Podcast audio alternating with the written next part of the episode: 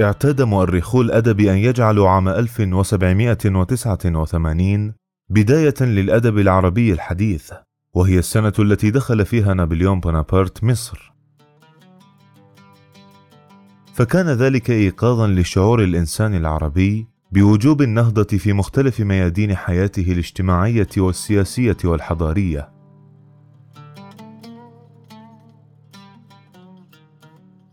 وكان الأدب أفضل معبر عن هذا الشعور العربي الجديد. في مقابل السبات الطويل الذي ساد الأصقاع العربية المترامية وهيمن على حالتها الحضارية والعلمية والأدبية إبان ما يسمى بالفترة المظلمة التي تحكم فيها سياسيا واقتصاديا واجتماعيا الأجانب من عثمانيين ومماليك وغيرهم.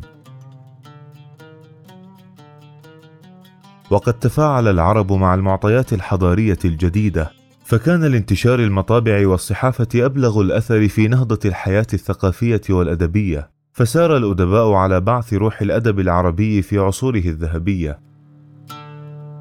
ونشأ جيل من الأدباء والشعراء أطلق عليهم جيل البعث والإحياء الذين شاركوا في إحياء الأدب العربي بعد أن كادت روح الإبداع تنطفئ فيه.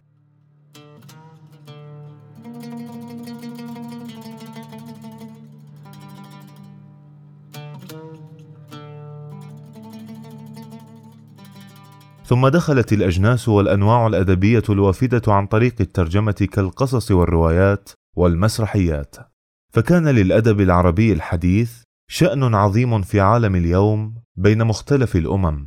فنشأت حركة الشعر الجديد المسمى بالشعر الحر وتعاظم أثر الفنون السردية كالرواية والقصة القصيرة وشاع بين الكتاب المسرح بنوعيه الشعري والنثري.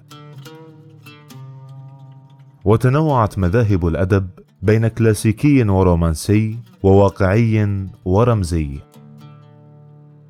وكل ذلك ينبئ عن عمق هذا الأدب ورفعته وسموه.